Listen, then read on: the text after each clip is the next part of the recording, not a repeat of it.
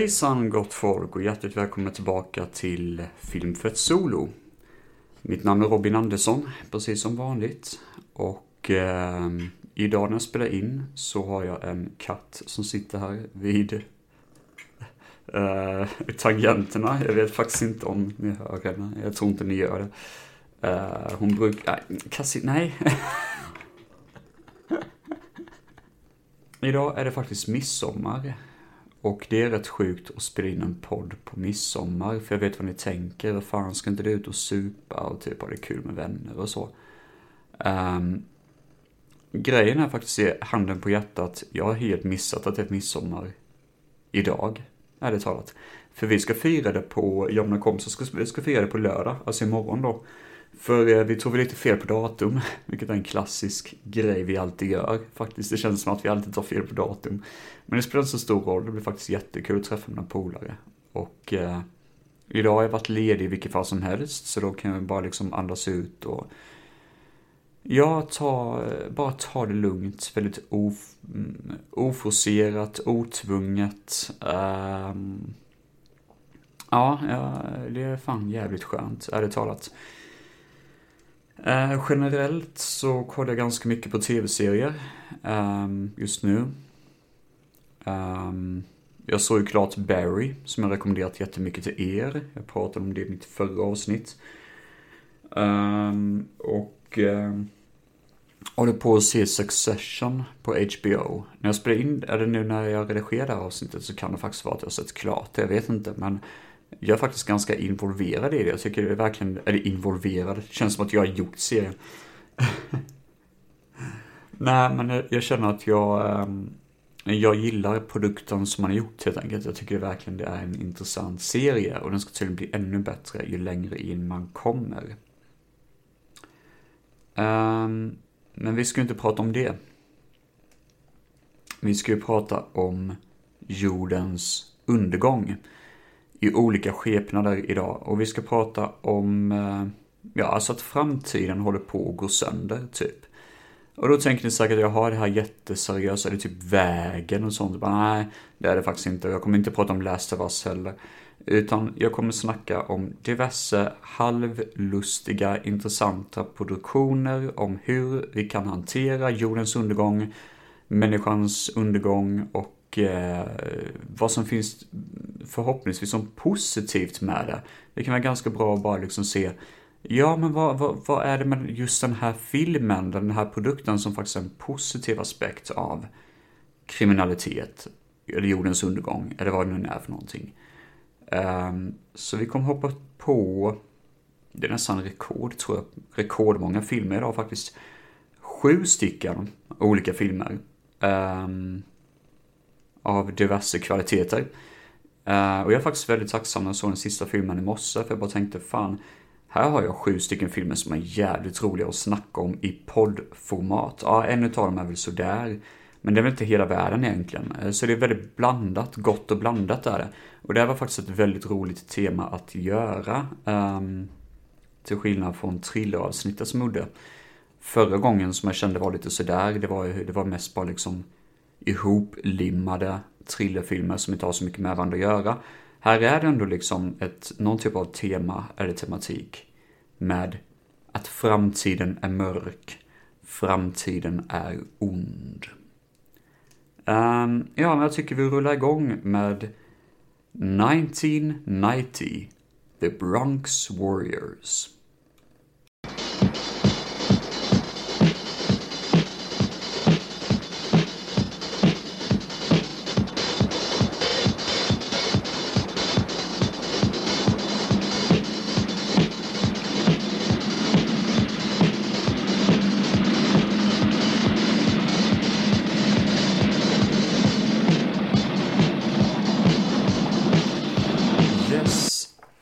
1990, eller 1990, The Bronx Warriors, gjordes då av Enzo G. Castellari. Jag kan inte riktigt uttala namnet. Jag vill minnas i alla fall att det är han som gjorde den eh, Light Blast, tror jag den heter, som jag har på VHS. Som jag snackade om för typ kanske två år sedan. Um, måste stämma. Uh, det, var, det var ett tag sedan i alla fall. Eller jag köpte den i alla fall på... Uh, oj, det var länge sedan jag beställde VOS nu, men det var på... Um, um, ja, den VOS-butiken som finns i Hudiksvall tror jag. Det står faktiskt helt still i huvudet nu vad den heter. Jag borde kollat upp det innan. Ah, ja. Han är mest känd för att han har gjort New Barbarians, ytterligare en film som skulle kunna uppkomma i dagens avsnitt, men faktiskt inte gör det, för jag ville försöka ta lite mer eh, smalare titlar. Men det är en film som jag vill se, New Barbarians, jag vill se den också. Den här filmen då är början på någon typ av trilogi. Eh, där det visar sig att jag faktiskt har sett den tredje filmen, Endgame, tidigare. Och den har ju inte så mycket med den här filmen att göra, så jag tror de här tre filmerna inte riktigt hänger ihop ordentligt. Eh, jag tror inte det finns något gemensamt spår. Jag var nära faktiskt att se om Endgame bara för det avsnittets skull, men jag tänkte också att det känns ju lite... Eh, lite för... Eh, jag vill ju överraska er också, så jag vill inte heller liksom göra det självklara valet där. Så nej, jag bestämde mig faktiskt att jag ser den här filmen idag och... Eh, någon dag så får jag se om Endgame. Jag tyckte väl den var okej okay, typ. Jag tycker inte det var så rolig när jag såg om den. I alla fall. Um, vi har Vic Merrow med i filmen.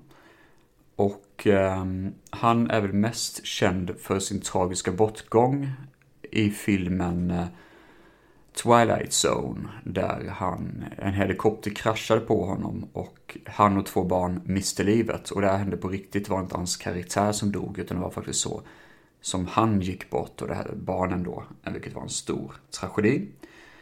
Ehm, vi har också Fred Williamson som spelar rollen som Ogre.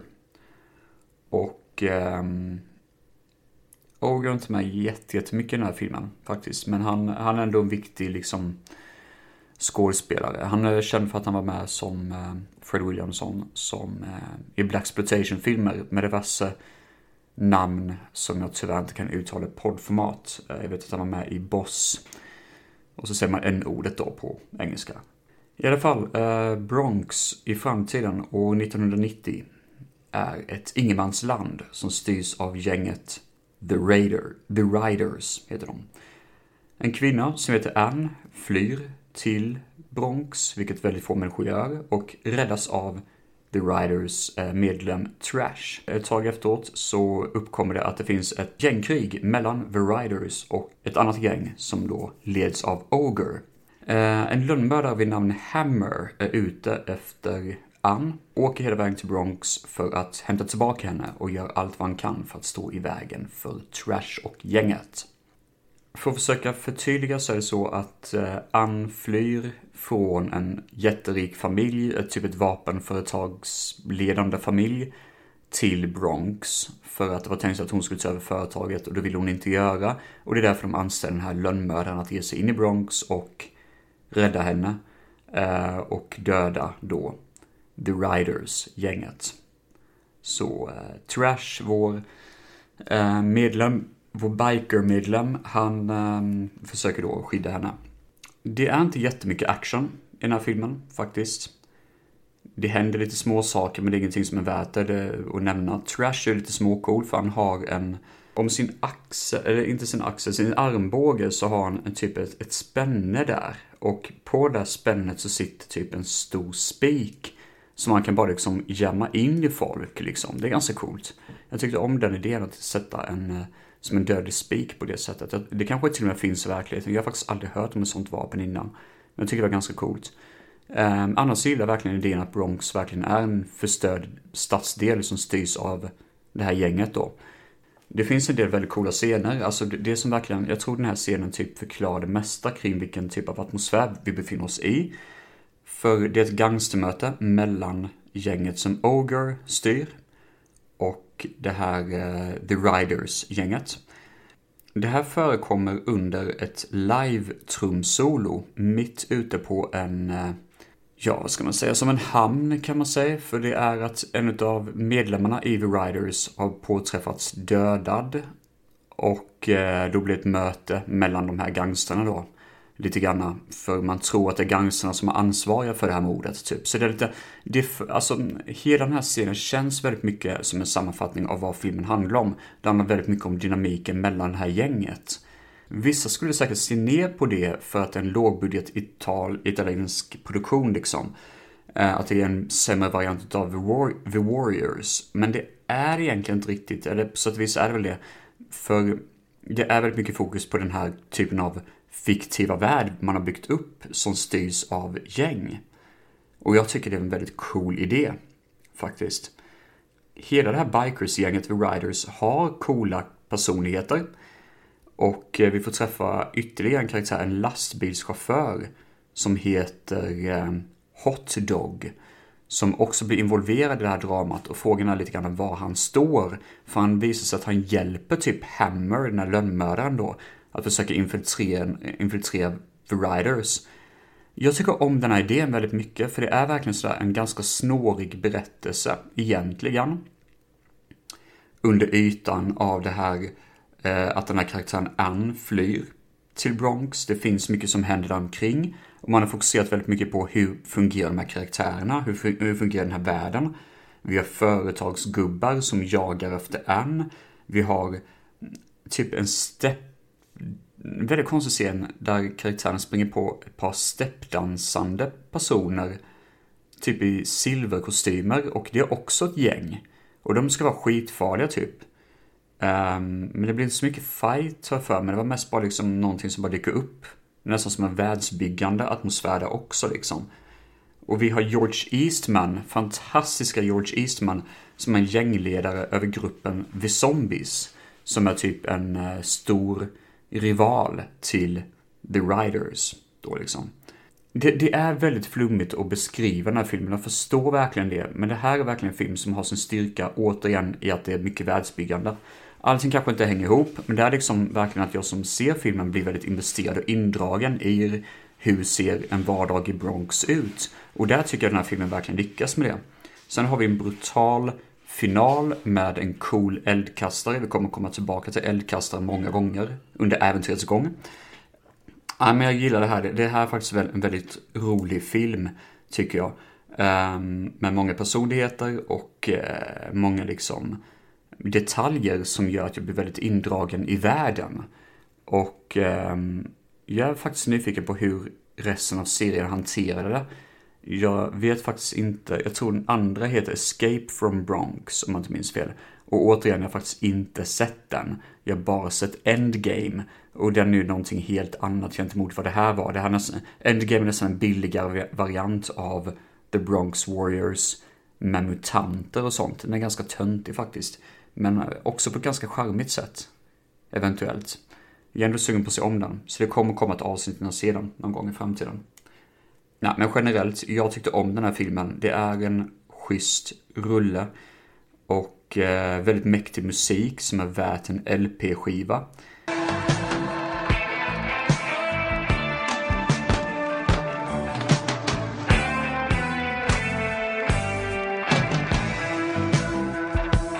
Jag skulle vilja säga så här att det som är det bästa med den här världen man har byggt, byggt upp med The Bronx Warriors, alltså det bästa med den här apokalyptiska världen, är väl det att fan vad folk har hittat sin egna gimmick. Med steppdansande gängmedlemmar och motorcyklar och diverse olika coola tags som man har på ens outfits och sånt. Och coola namn också. Hot Dog, Ice, Trash. Okej, okay, Ann kanske inte är ett coolt namn, men till och med mördaren Hammer. Det är coola namn och coola liksom sådana här stigmas. Jag vill ha det. Jag menar, jag, jag hade säkert hetat typ Buttface som hade varit där säkert, men ändå, man vill ändå ha de här coola namnen, och de här coola tagsen. Och det hoppas jag att framtiden kommer att bjuda på. Blir det postapokalyptisk verklighet, se till att ni skaffar er coola namn och eh, har coola outfits och coola liksom eh, coola grejer till det. För det, det ger så otroligt mycket för, eh, för den världen man befinner sig i. Vad fan, lek lite med det ni har, var inte så jävla seriös hela tiden. Och eh, nu ska vi faktiskt bege oss till lite mer, eh, det här är en ganska urban film, det är ju ändå trots allt nedslitna hus och sånt. Nu ska vi bege oss ut lite mer ut på vischan eller mitt ute, ute i sanddynerna med Wheels of Fire.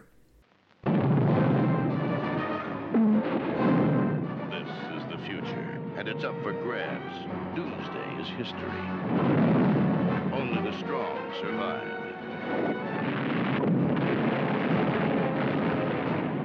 All that stands between civilization and chaos are wheels of fire and a stranger who drives as if there's no tomorrow, because there may not be one.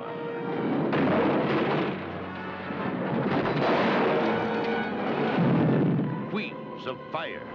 Wheels of Fire är då en film regisserad av Sirio H. Santiago. Jag tror man uttalar hans namn så i alla fall. Det är han som gjorde Firecracker som jag såg i den här kampsportsavsnittet, vilket var en hel slump egentligen.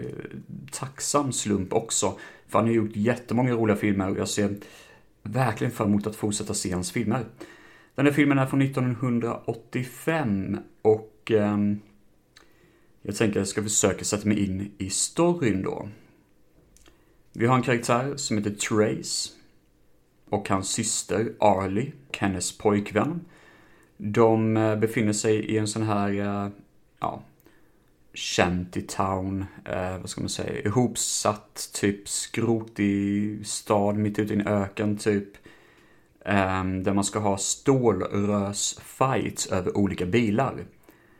Och jag för mig det var Arlies pojkvän som var med i en sån fight och det ballade ut lite grann så det Therese fick rädda situationen och eh, då blir det en stor biljakt.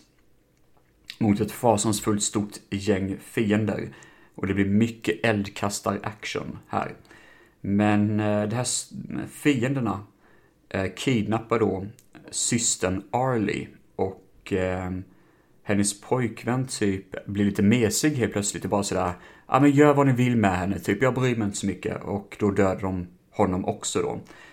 Ehm, så det är upp till Trace att rädda sin syster och under filmens gång så springer han på en ehm, lite olika härliga karaktärer. En fågelkunnig kvinna som har en örn med sig som kamrat. Jag kan säga redan nu att hennes örn gör inte särskilt mycket under filmen, men det är mest bara en cool gimmick. Och eh, vi får en ung tjej, jag tror det är en tjej i alla fall, eh, Fan vad elakt att säga att jag tror det är en tjej, men det här är typ en tonåring. Så det är lite antingen en androgyn kille eller en tjej. Jag såg det här med ganska dålig VHS-RIP. Men det är inte så mycket till försvar, fan. Jag ber jättemycket om ursäkt, jag borde inte sagt det där. Ja. En telepat i alla fall som har förmågan att, telepa alltså med telepatisk förmåga kunna prata med, eller kunna känna av tankar som andra människor har. Ehm, vi har också en kortväxt person som är stum. Som den här telepaten kan känna av den här kortväxta personens tankar. Eller stum ska jag inte säga, det är typ som att han har ett eget språk. Det är sådana här jabba jabba, jabba jabba, liksom sånt språk. Jabba jo, jabba ja, liksom sådär.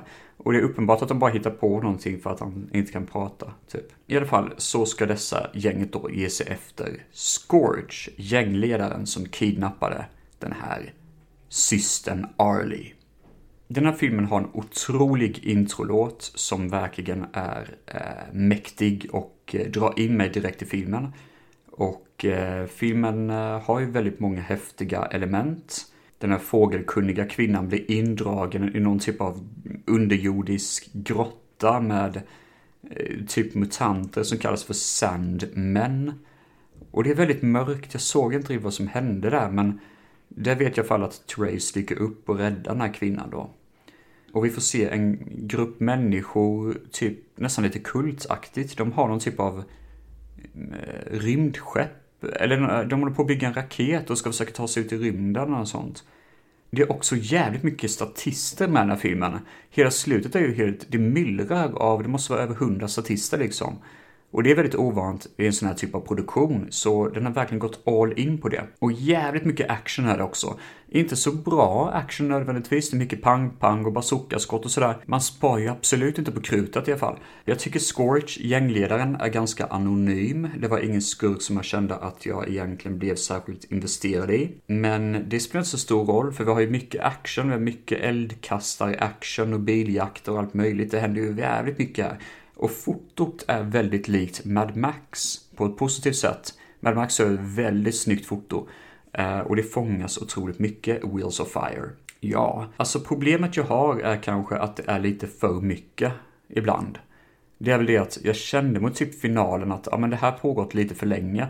Och jag ville ha mer av en duell mellan Trace och Scorch. Alltså, eh, det blir någon biljakt, men jag vill ändå ha liksom, hade man kunnat kapa ner lite på det här actionmässiga elementen av så mycket statister och ultravåld, liksom pang-pang och sånt och detonationer och kunnat liksom dra ner lite på det för att göra att själva slutduellen ska kännas mer kraftfull. Då hade man kunnat göra det. För, men jag känner bara lite sådär när han dör då, Scorch, spoiler alert, men ja. Men det var väl liksom sådär, visst det var kul att han dog på, men det var också lite sådär, ja. Men vi fick aldrig riktigt se han göra så mycket, typ. Ja, lite så. Så det var lite besvikelse där. Men annars en äh, jävla ride. Alltså för fan. Äh, jag trodde det här mycket väl kunde vara platt och halvkul för stunden, men inte mer än så. Men det här var faktiskt väldigt underhållande och jag sitter verkligen och har en rolig stund. Även om man känner att jag kanske har lite för mycket i filmen. För det är väldigt mycket, det är för många karaktärer som man inte känner får mycket andrum. Och storyn har ändå potential att kunna utvecklas till något ganska kul. Men det blir så otroligt mycket våld på våld på våld att det är typ det enda språket den här filmen talar. Positivt med den här framtidsvisionen. Det är väl det att det spelar ingen roll hur illa världen kommer se ut i framtiden, för vi kommer alltid ha en jävla massa ammunition, och vapen och eldkastare och eh, liksom bazookaskott och militärer och massa grupperingar mitt ute i öknen, typ liksom. Så det är ju ganska, ganska skönt att veta om. Och man kan alltid joina en grupp som typ ska tillbe ett rymdskepp och försöka, eller såna här raket och försöka ta sig ut till, till rymden. Vilket påminner jättemycket om ett Fallout, eh, ett uppdrag i Fallout eh, New Vegas tror jag Serio H. Santiago, han vet utan tvekan hur man gör väldigt underhållande filmer. Precis som man gjorde i Firecracker, som var typ en av de bästa jag såg i det avsnittet i alla fall. Ja, men det här är absolut eh, godkänt och eh, eh, väldigt, väldigt, väldigt kul i alla fall.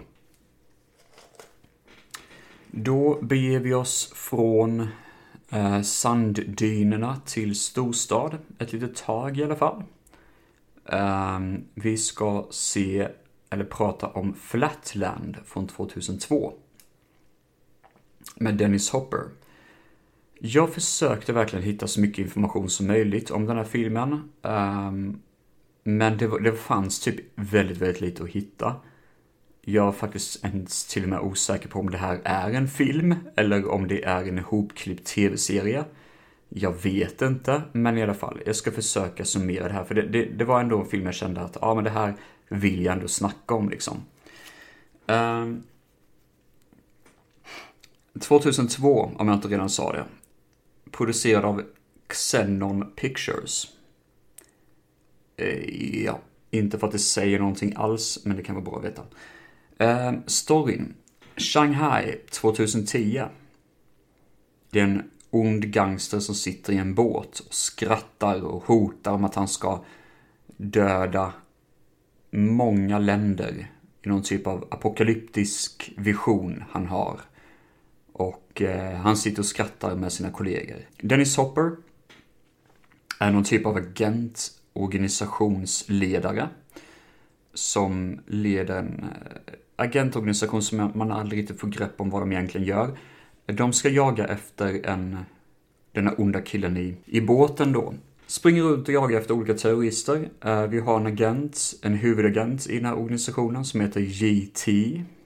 Och han träffar en kvinna som han följer efter som kan springa upp på en gigantisk vägg, alltså sån här eh, vägg till ett, eh, en skyskrapa. Så bara springer upp för väggen och försvinner hon typ och han blir jätteförvirrad över det.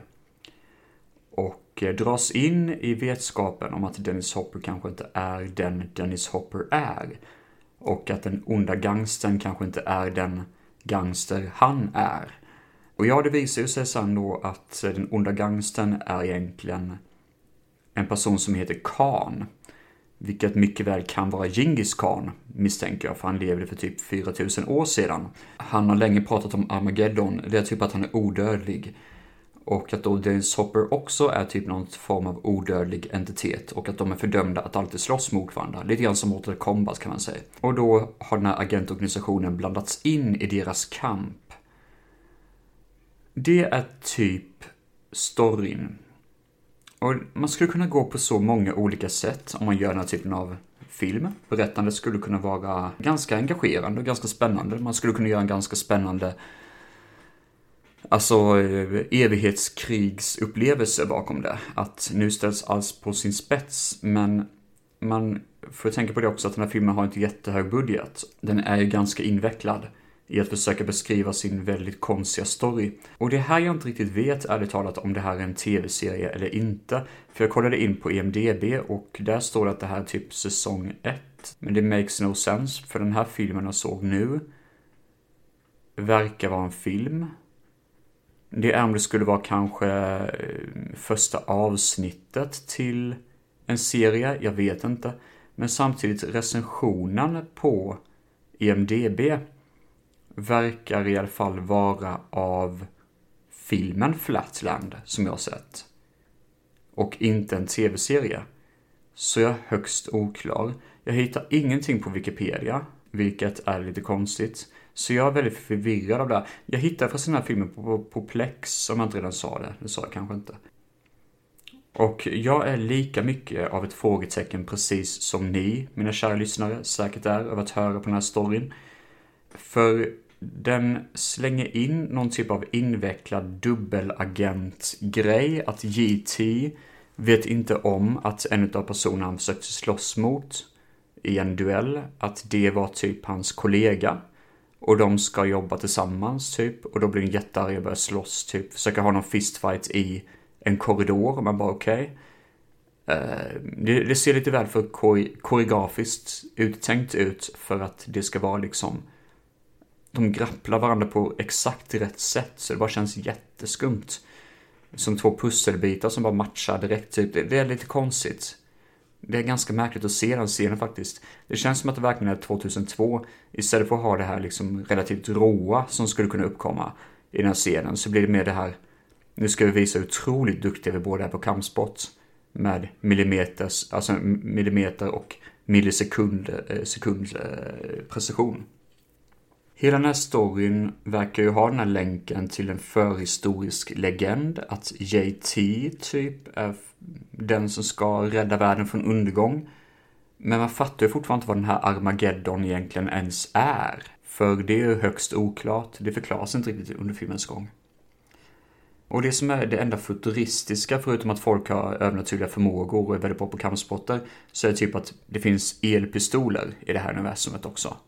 Eh, som inte skjuter skott utan skjuter bara elpatroner typ. Det är lite småcoolt. Men i alla fall. Jag vet att det låter som att jag fruktansvärt hatar den här filmen, men det gör jag inte. Av den enkla anledningen att det är sånt jävla snabbt tempo. Tempot är sjukt. Eh, det dyker upp en lönnmördare med... Han, han kör runt på motorcykel och har ett svärd och försöker döda vår huvudkaraktär JT i riktigt coola dueller som man bara känner fuck, det här är skitcoolt. Ja.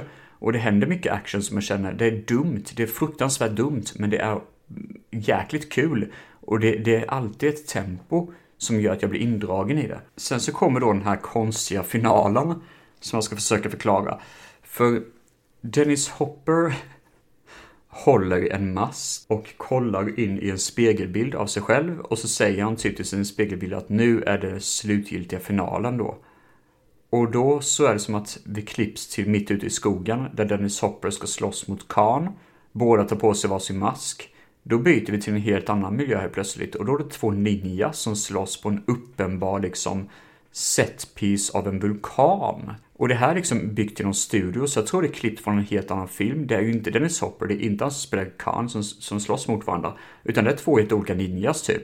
Jag vet inte att, att det ska visa att de har typ morfat till en annan, liksom andra personlighetsutseenden och sånt. Men de slåss mot varandra lite sådär. Khan försvinner och då klipper vi helt plötsligt till Dennis Hopper i den här skogen som bara liksom Yeah, run away you bitch. Eller något sånt. Och det är typ slutfinalen på hela filmen. Jag sitter och är bokstavligen talat helt ställd. Med ett fruktansvärt frågetecken över pannan. Jag fattar absolut ingenting vad det är som, som just hände. Jag känner mig verkligen jätte... Jag, jag har inte ens orden till att beskriva det. Så jag, eh, ja... Jo, men det var ju någonting som hände i den här filmen. Alltså hela filmen är ju otroligt dum. Riktigt jävla dum. Fy fan vad dum den är. Jag blir aldrig riktigt uttråkad. Men jag känner mig mest av allt bara väldigt förvirrad. Jag fattar verkligen inte hur man kunde lägga pengar på det här. Jag fattar fortfarande inte om det är en film eller en tv-serie jag sett. Jag fattar ingenting. Eh, om det är introduktionen till en tv-serie, det kan mycket väl vara så. Det hade varit väldigt tacksamt om det hade varit så. Men jag kände när jag såg den här att det här är ju ett väldigt bra, för det var en av de första filmerna jag såg om inte absolut den första filmen jag såg till det här temat. Och jag tänkte det här är en jävligt bra början. Grejen är dock att den sticker ut lite för det här är ju mer en urban framtid år 2010. Det är ju inte direkt att det är liksom jordens undergång. Men det mörka är väl det att Khan snackar väldigt mycket om jordens undergång och Armageddon, även om det är oklart vad fan han menar med det. När han sitter i sin lilla båt mitt ute på havet och skrattar med några gangstrar runt omkring sig. Vad fan hände med gangstrarna? Vad gjorde de i den här filmen? Skulle det vara Yakuza? Eller jag fattar inte det. Ja, jag har väl inte så mycket mer att säga om den egentligen. Jag tror jag vill säga det att det positiva med den här typen av framtid är ju det att absolut alla vet hur man slåss och de kan göra det på väldigt tajta sätt. Alla kan kampsport, typ. Och Dennis Hopper kan förvandla sig till en asiat. Ja, och eh, det, det, är ganska skönt att även om man befinner sig i en ond eh, framtid så kan Dennis Hopper dyka upp och han kan morfa till en asiat. Jag har faktiskt ingenting, ingenting att komma med här. Ja, vi sätter frågetecken på den. Jag har faktiskt ingenting att säga om den här framtidsvisionen som Flatland bjuder på. Som skulle kunna vara positivt, men det är faktiskt genuint en uh, rolig film. Vi kommer be oss till riktigt rövdåliga titlar Eh, i dagens avsnitt och Flatland tillhör inte en utav dem. Det kan jag garantera. Men då tycker jag faktiskt att vi ska bege oss från det här urbana, eh, eh, liksom Shanghai-miljön, lite mer cyberpunk-aktiga, till ökenmiljö igen, som ungefär som Wheels of Fire var. Fast den här gången är det lite mer, lite jobbigare kan man säga, i Land of Doom beyond apocalypse.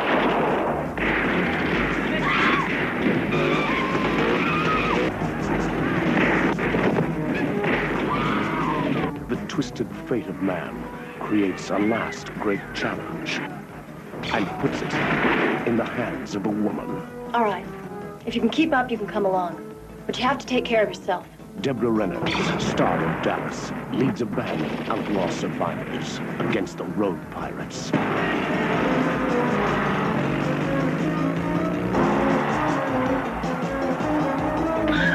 Cannibals, wasters,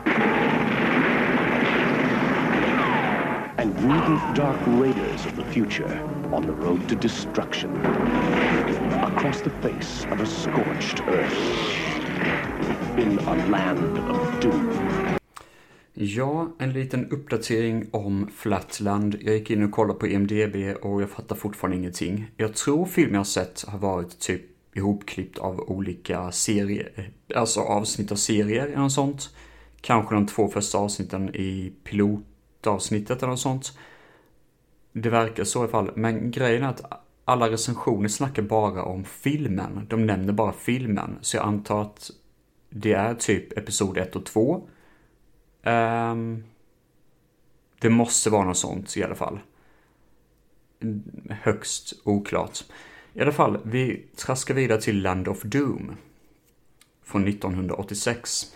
Um, för det första så vill jag bara, jag kan ta omslaget först faktiskt, för det är ett väldigt häftigt omslag. Jag hittade faktiskt en svensk, ett, ett svenskt omslag här på, eh, på IMDB. Det är en kamp om makten i en värld fylld av obeskrivlig grymhet. Dödens svarta krigare i Land of Doom.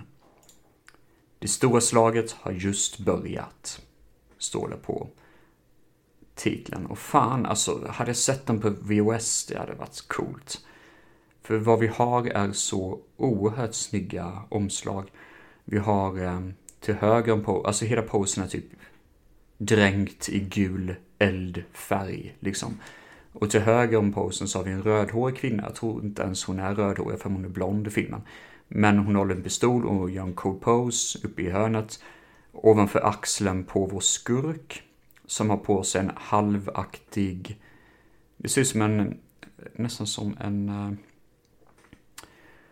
som ett spännband runt huvudet, typ. Ja, spännband kan man inte säga, men som en bandana runt huvudet. Men det är typ eh, liksom... eh, eh, vad ska man säga, läder istället. En lädermask som täcker typ halva ansiktet. Lite likt, vad fan heter den? Phantom of Opera, typ. Han är jättemusklig och visar sina muskler rätt bra. Han har på sig lite läderataljer här och där. Och har en enda arm som ser ut som en stålklo, typ. Lite metallisk, liksom sådär. Och på den har han spänt fast en äh, jätteliten äh, sån här äh, crossbow-aktig grej på handen då som man ska kunna skjuta. Under honom så ser vi motorcyklar som kör, vi ser bilar som välter och vi ser liksom, ja, lite tecknade scener från filmen då. Otroligt coolt omslag, det är det faktiskt. Eh, storyn är att vi har ett samhälle där det är ren kalabalik. Det är bikers som åker runt och gör katastrofala attacker mot oskyldiga civilister. En kvinna Harmony heter hon tydligen. Hon springer på en man som man inte vet vad han heter. Ehm, men han sitter i en ehm, grotta, eller gruva. Och är skadad. Ehm, och de bestämmer sig att hjälpas åt att fly de här biker-gänget, vilket de gör mitt ute på savannen. Samtidigt som han råd ger, eller berättar för honom en grön och vacker plats, en helig plats de kan bege sig till där de kan leva tillsammans, typ. Men gänget jagar efter dem för det visar sig att den här mannen som på flykt är jagad av det här gänget då.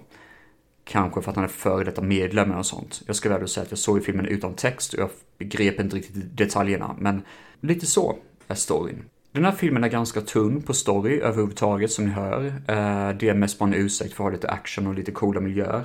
Men eh, vi får ju inte så mycket action, vi får inte så mycket coola miljöer heller, för det är väldigt mycket sand, väldigt mycket liksom Ehm, det händer inte så mycket visuellt. Vi återbesöker oftast samma område ser det som.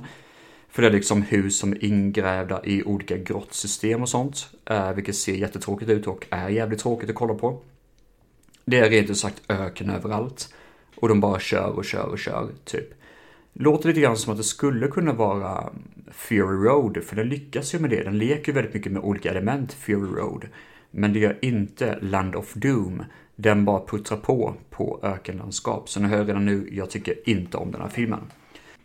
Karaktärerna, alltså det här är ändå en film där man eh, ska förlita sig mycket på att skådespelarna kan bära en film. Och de är ju duktiga, jag säger ingenting emot dem. Men att bära en film, det kan de inte riktigt göra för det är väldigt mycket ansvar. Ingen hade kunnat göra det liksom. Så det känns ganska oschysst att lägga den här filmen på skådespelares axlar att nu får ni bära hela jävla filmen, vi har inte så mycket annat att göra. Ni ska åka runt och underhålla tittaren i typ eh, en och en halv timme liksom.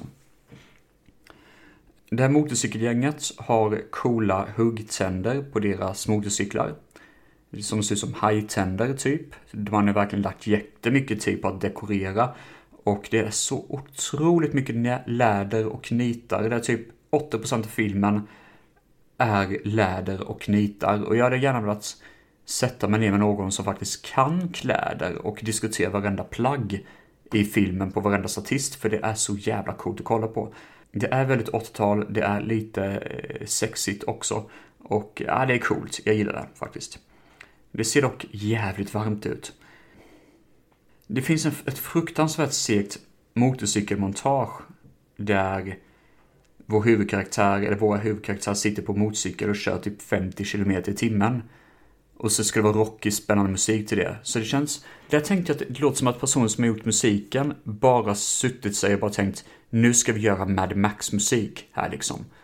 Och bara komponerat ihop något jäkligt episkt som inte alls går ihop med filmen. Och det stör mig väldigt mycket på för det finns en potential där som skulle kunna vara med i Wheels of Fire eller i 1990 Bronx Warriors. Men det funkar inte i kontexten till den här sömniga, puttriga filmen.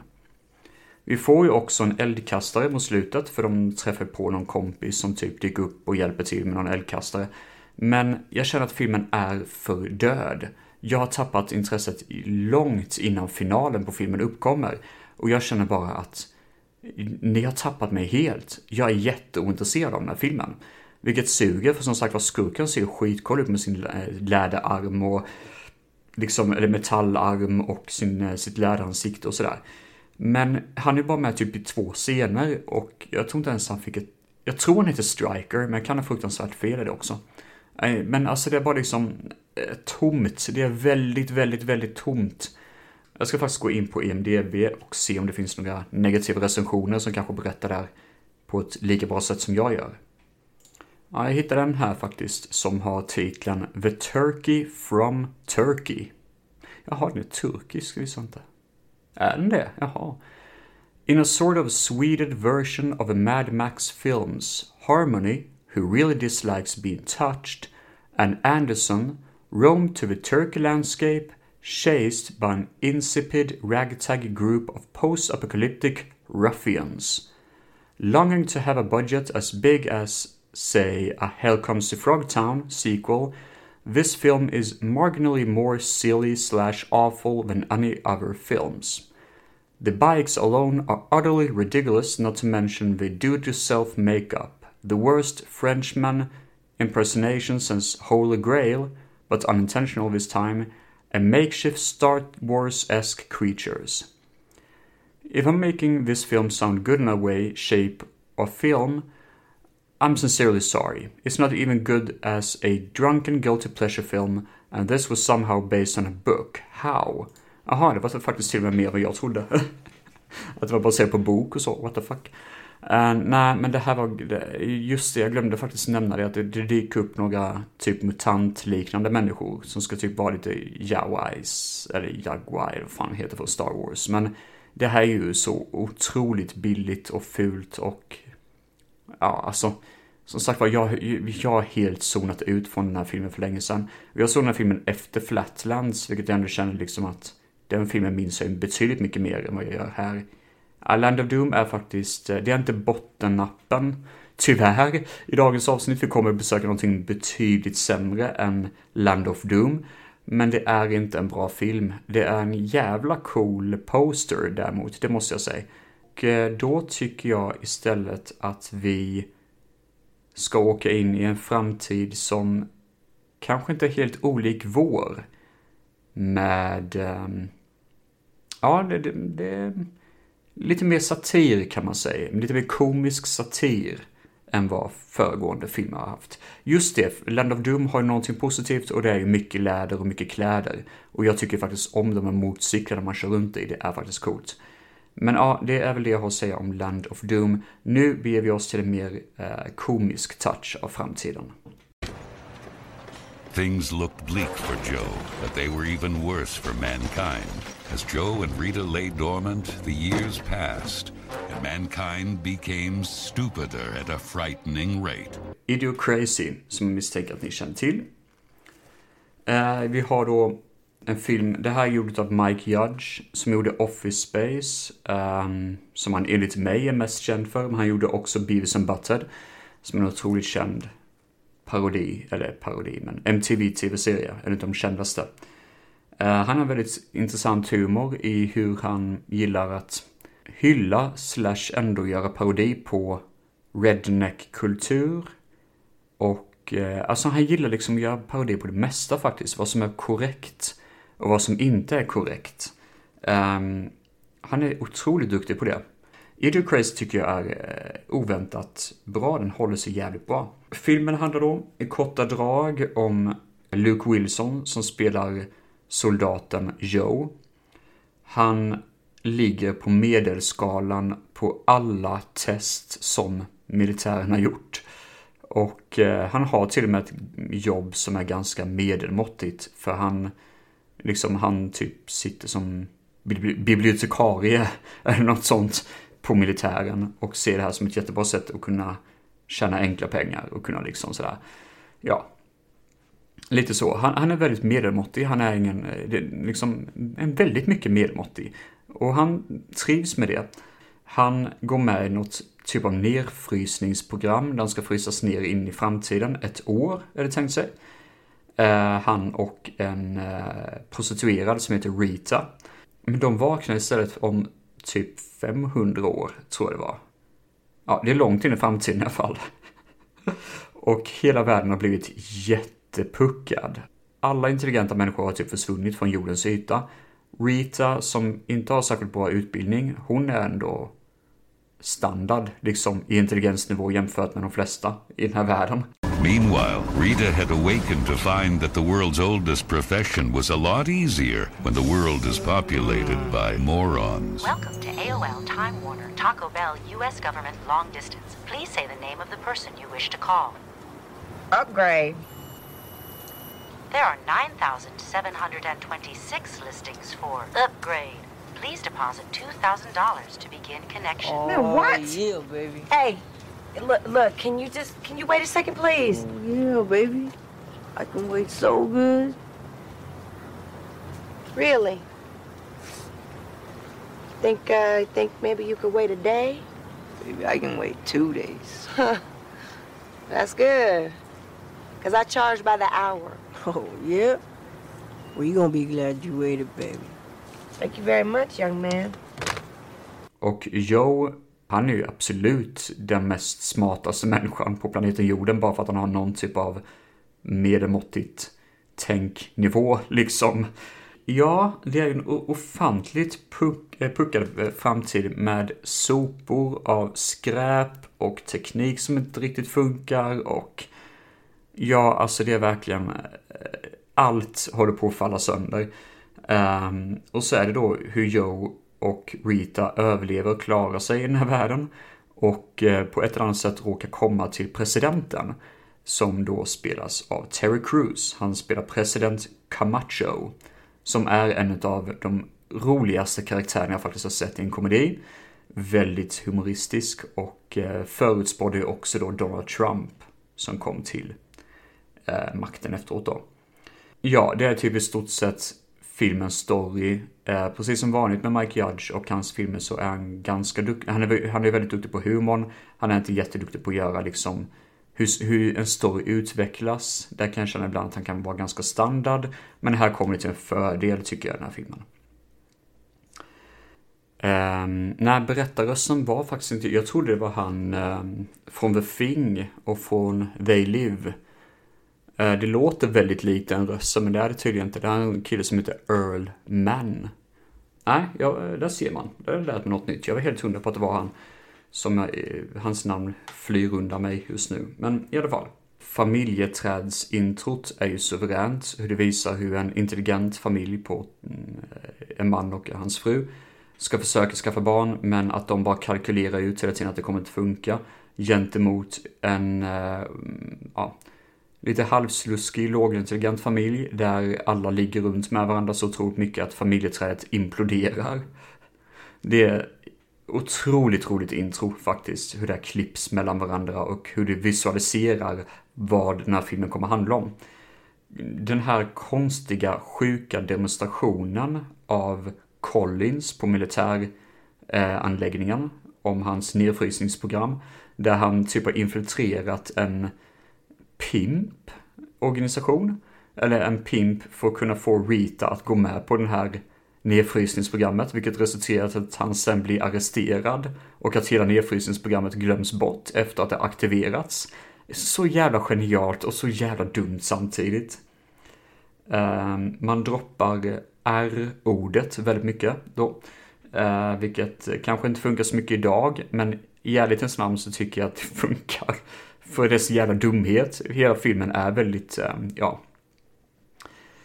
Eh, ja, den, är ganska, mm, ja, eh, klurig på sitt sätt att visa låg intelligens på ett otroligt komiskt sätt.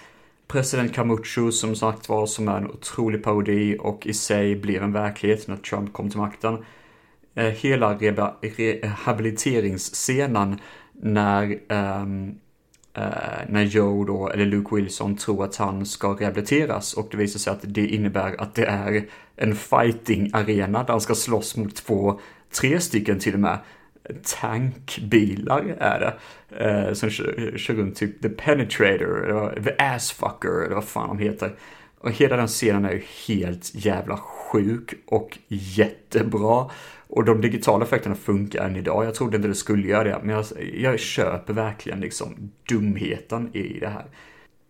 Han får ju också hjälp av en väldigt puckad kompis som heter eh, Fritto. Som de övertygar att han kommer få jättemycket cash om han hjälper dem att hitta en tidsmaskin. Eh, som de kan eh, åka tillbaka till sin tid. Uh, jag kommer inte säga vad som hände med det, men själva punchlinen på det tyckte jag var så jävla kul också, ärligt talat. Nej, men det, det, här är en fruktansvärt rolig film. Um, jag sitter och skrattar många, många gånger när jag ser den här filmen och uh, det var faktiskt den som gick i mål med det här året också för att på gruppen 100 filmer så ska man se 100 filmer innan midsommar och det var faktiskt den filmen jag gick i mål med, med film 100 innan midsommar. Så det kändes otroligt nice.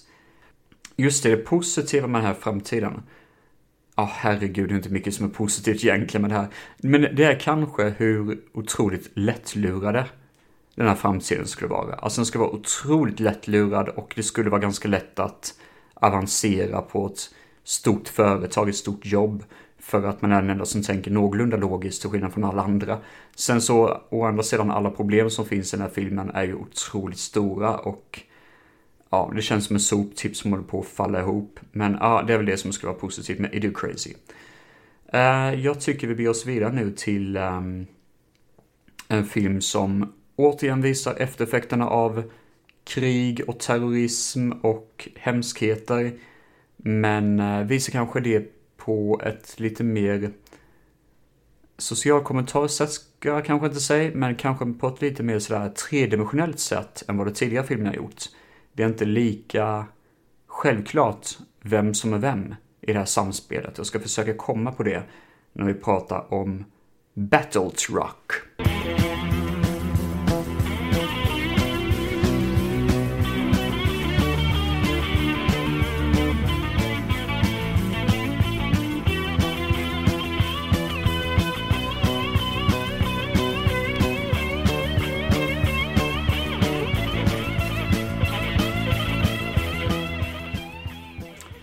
Battle Truck, även kallad Warlords of a 21st Century, fruktansvärd titel.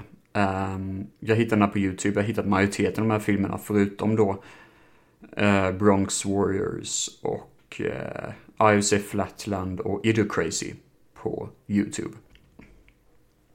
Jag trodde det här skulle vara en billig jävla skitfilm för jag tänkte först Warlords of a 21st Century låter faktiskt inte särskilt kul. Det är en ganska billig titel. Men Battle Truck låter faktiskt rätt häftigt. Um, kommer från Nya Zeeland, gör den. I alla fall, storyn. En gigantisk jättelastbil med vägpirater och eh, en eh, Eh, kolonell, kolonel, alltså en eh, militär, eh, ja, någon typ av militär individ. Jagar bensin, de kör runt från ställe till ställe och jagar bensin och eh, kraschar rakt genom byggnader och hus och sådär. Och tar det de vill ha, de verkligen snor allting. Um, en av deras fångar, Corlia, som hon heter, flyr från den här eh, Eh, från det här gänget då och kommer i händerna på den fredliga Hunter som är en kille som kör runt på motorcykel och eh, har på sig coolt body armor pansar. Någon typ av före detta soldat. Han räddar henne och för henne till eh, säkerhet men får där då veta att de här vägpiraterna, megalastbilen, existerar och kan göra mycket kaos med omgivningen. Han tar henne vidare till det fredliga samhället Clearwater där hon hänger ett litet tag. Men då hör hon motorn från den här gigantiska jättelastbilen som kommer närmare, närmare och närmare. Och då blir det kalabalik i samhället, minst sagt. Yes, uh, det är väl det som är storyn skulle man kunna säga för att ge en liten hint åt vart vi kommer ta vägen. Eh, för det första, skitcool lastbil. Det är verkligen en mega eh, battle truck lastbil. Helt omöjlig att penetrera. Den består bara av stål överallt och är jättestor. Man blir verkligen liksom hänförd när man ser den för man tänker att okej, okay, det finns inte många fordon i den här världen. Det är typ av motorcykeln som Hunter kör runt på. Annars är det mest bara hästdroskor som drar eh, rostiga delar av bilar och jag tyckte det var en sån otroligt cool design på det. Och generellt är det mycket coola designer, alltså världsbyggandet här är jättehäftigt. Och vi fattar inte riktigt vem den här Corlia är förrän typ mot slutet av filmen nästan. Men jag tycker om att vi får följa henne så mycket för det gör att jag undrar väldigt mycket om den här Hunter. Han är väldigt sympatisk och har hjälpt många i det här Clearwater-samhället. Men grejen är att han vill sig rätt mycket för sig själv och man förstår att han är en soldat. Det är inga andra som är soldater i den här världen typ. Men det är ändå liksom, man tänker att mycket, många bygger upp honom som att, som att han är en hjälte. Men det är det som är så coolt, vi får aldrig riktigt se honom göra så mycket, så frågan är, alltså, det är lite grann den här förväntan kring vem en person kan vara. Och det tycker jag är coolt, att man jobbar rätt mycket med det. Att hur långt är man villig att gå för att bygga upp en legend kring en person? Hunter spelas av Michael Beck för övrigt från The Warriors som han är med i. Jag kommer inte ihåg vem han spelar där, men det, det är nog därifrån jag känner hans namn. Och eh, Xanadu. Han är inte då Micke Beck, som, jag för mig han heter Micke Beck, som är en porrskådis. Det är inte samma snubbe. Jag, jag hoppas att det inte är det i alla fall. Nej men det, det, är liksom sådär, den lever väldigt mycket på det att bygga upp den här atmosfären och världen kring de här karaktärerna som vi befinner oss med och umgås med. Och jag tycker verkligen om den idén.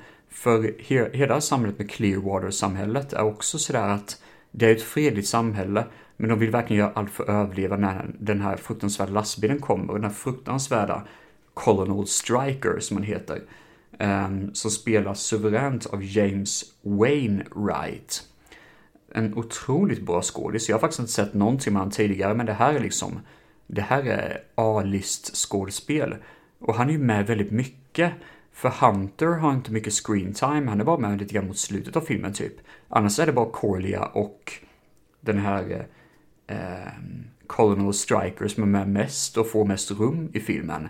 Och jävlar vilken kemi det är. Eller jäklar vad, vad de liksom bubblar upp mycket till den här filmens fördel. Jag sitter verkligen och jag är jätteintresserad av hur det här kommer uppkomma. Det jobbiga är att jag såg det på en ganska grynig VHS-ripp som finns på YouTube. Vilket gör att de mörkare scenerna, vilket förekommer någonstans i mitten av filmen, när Corlia då kidnappas tillbaka av Colonel Striker. Jag hade ganska svårt att se vad som hände där. Men eh, det, eh, kan, det är också ganska skönt att kunna se på VHS-rip med, för det är ju en jävla känsla. Mycket här har ju varit VHS-rip, nästan alla filmer jag sett eh, på ett eller annat sätt har att göra med VHS-ripper.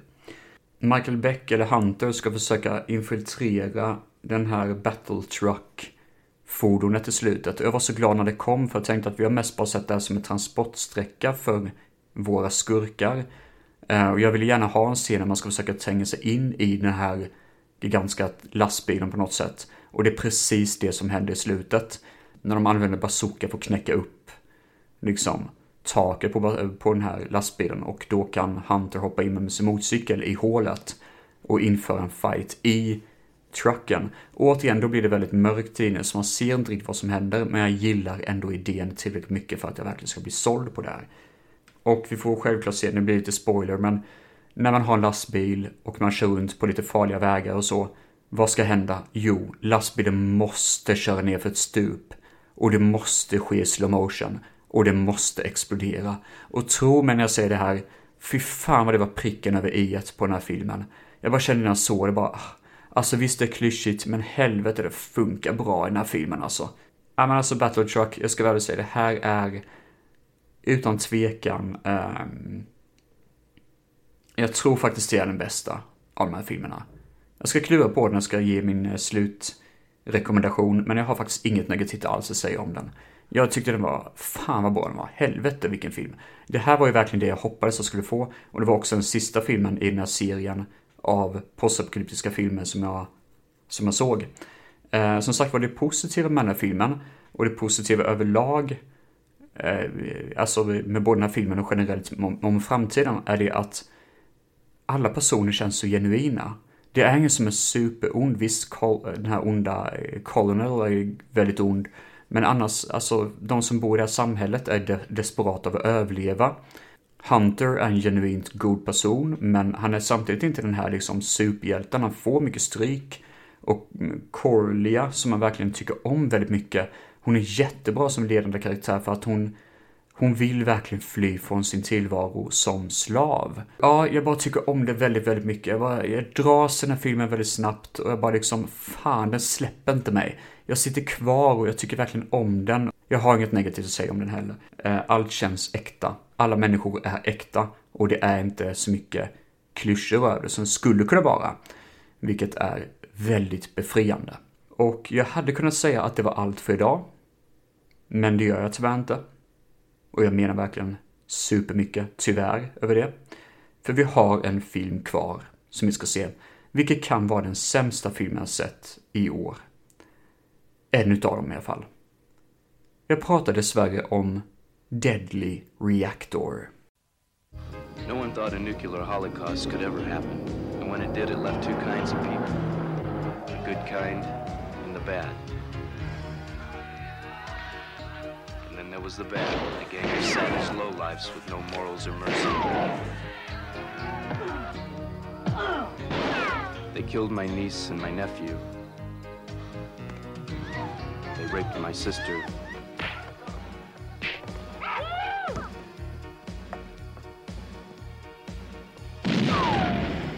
And it was right then and there that I changed my sermon forever. Ja, jag har redan lagt upp en recension av den här filmen på eh, bloggen Filmfett Solo. Eller filmfett.blogg.se. Den här filmen är från 1989. Och, eh, ja herregud, var ska man börja? Ah, Lord. Um, storyn handlar om um, Cody som eh, ligger skadad på ett golv samtidigt som han har en flashback-scen. Han är typ i någon typ av koma kan man säga. Där hans uh, berättarröst förklarar att han hamnade i koma efter att um, Hogg, en galen mördare och ett ledare, en ledare av ett gäng, sköt honom och dödade hans familj typ. Eh, men han räddades av Duke som äger en stuga och nu så ligger han då i koma på golvet. Han börjar pigna till, lär sig att hantera en pistol av Duke, eh, lär sig också att supa, vilket är en väldigt konstig grej.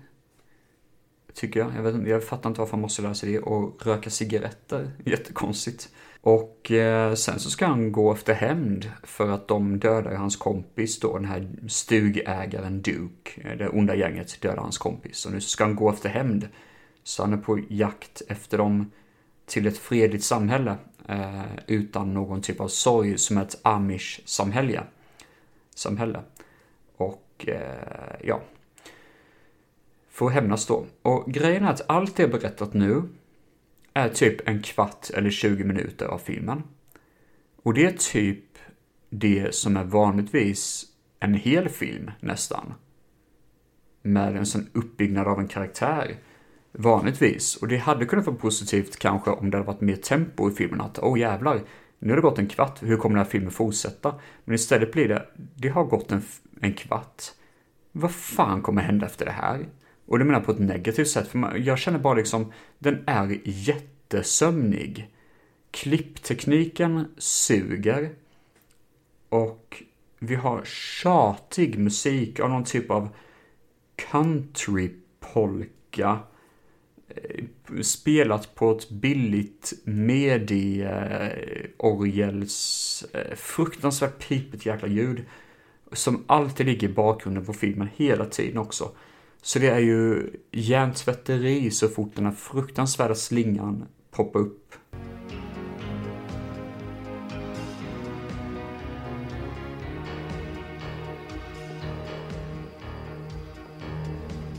Jag fattar inte riktigt vilket världsbygge vi befinner oss i, för de, de nämner snabbt att det var typ jordens undergång. Jag har ju inte sett den här filmen med text heller, men de nämner snabbt att det var jordens undergång och de enda som överlevde var typ det här folket, det här amish-folket eller vad man ska kalla det för. Och det här onda gänget då. Men jag fattar inte riktigt det, för samhället som det här amish-folket lever i verkar ju vara ett fungerande västernsamhälle typ. Husen ser inte alls skadade ut. Det är verkligen liksom ett fredligt samhälle så. Och det är ingenting som tyder på att det varit liksom någon typ av katastrof egentligen. Så jag fattar inte det. Jag är mest av allt bara förvirrad över det här. Uh, Hogg, som spelar skurken. han är ganska grisig. Och han går runt och typ bara... Mm, typ klafsar eller sådär. Håller på... Liksom så. och liksom han, han ska vara vår huvudskurk. Och han känns ju inte särskilt, han går runt med en eh, trenchcoat som jag vill ska vara smutsigare än vad den är.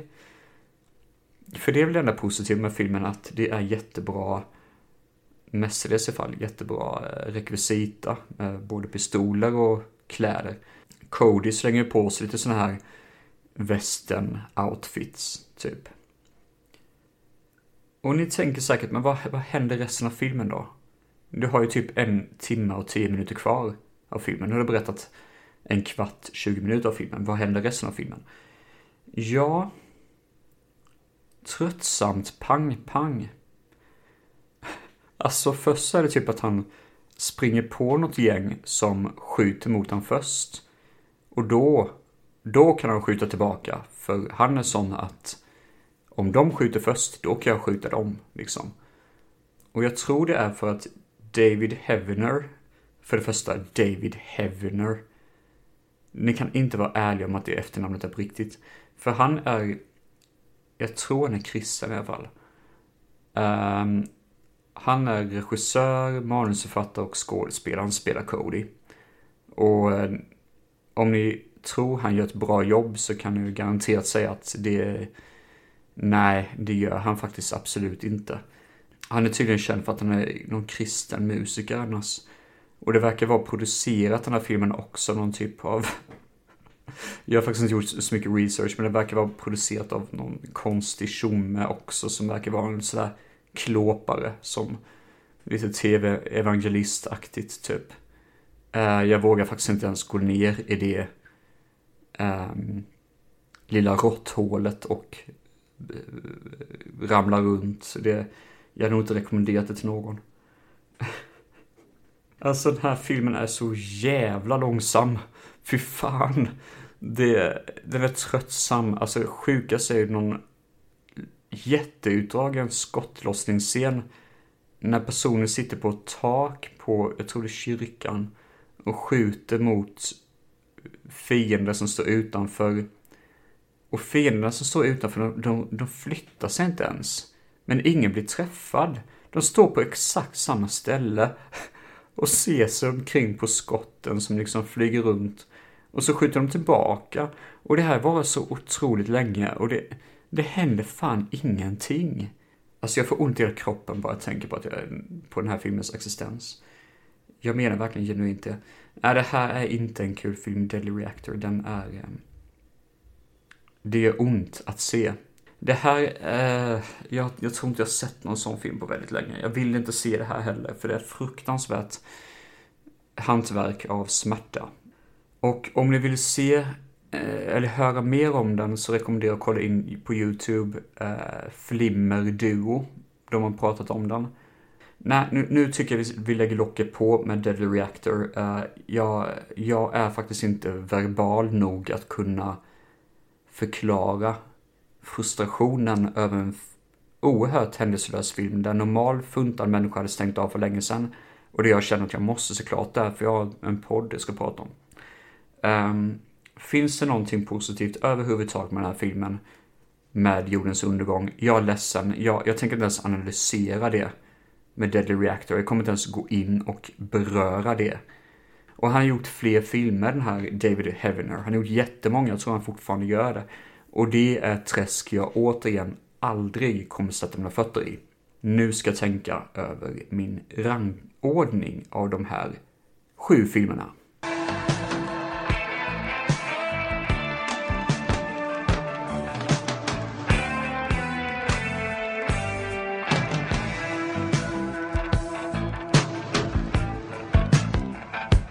Vi kommer köra från sjunde plats, vilket är den sämsta, till första plats, vilket är den bästa. Och eh, så eh, tror fan inte att jag ger Deadly Reactor nummer sju för att den är den bästa, utan den får sjua för att den är absolut sämsta idag. Eh, vissa människor bör inte få eh, kamerautrustning. Eh, på sjätte plats får vi Land of Doom. Um, mest av allt bara tråkig och inte så minnesvärd. På femte plats, eh, Flatland, mest för att den är så oerhört jäkla puckad eh, att det nästan blir lite kul att se faktiskt. På fjärde plats har vi 1990 The Bronx Warriors. Och eh, där kände jag väl att, eh, jo men den är stabil, den är kul. Har sin egen identitet samtidigt som det kanske kunde lekt lite mer med vissa saker. Men jag känner ändå det att jag, jag var underhållen rakt igenom filmen. Eh, och jag gillar ändå det att den sysslar rätt mycket med den här eh, interaktiva världen, The Warriors Style. Eh, på tredje plats hittar vi Wheels of Fire. Det är lite, lite för mycket action och våldsamt. Alltså sådär. Lite för mycket våld. Nej men den, den är lite för mycket av allting för att jag verkligen ska kunna fastna för det. Men samtidigt är det en väldigt kul film. På andra plats, jag står faktiskt och stampar lite för jag tror jag gett den här filmen bättre betyg än Battle Truck. Men samtidigt så bara tänker jag, ja men det, det blir nog ändå rätt bra ändå. För Idu Crazy hamnar, hamnar faktiskt på andra plats av de bästa idag. Um, den är faktiskt jävligt rolig. Det var väldigt kul att se om den och bara känna ah, att den här håller sig otroligt bra än idag liksom. Jag tror den skulle vara väldigt överskattad för att det är många som säger så här ser framtiden ut idag, typ liksom. Um, men eh, det, det, är faktiskt så det är när jag ser filmen. Jag bara känner, ah, att det är fan så, det finns en sanning i det. Så det är den andra bästa idag. Och den första bästa är faktiskt Battle Truck. Bara för att jag fick allt jag ville ha i dagens avsnitt. I just Battle Truck. Eh, ja, den, den vill jag bara omfamna med all min kärlek. För den lyckas ta mig fan med allt. Eh, magiskt kul film. Och eh, med dessa orden så tycker jag vi stänger dagens avsnitt. Ni kan följa mig på Instagram, som sagt var, Instagram och Facebook. Filmfett heter jag där. Och eh, ja, nej, det är inte så mycket mer att säga. Ha det så hjärtligt bra allihopa. Och hej då!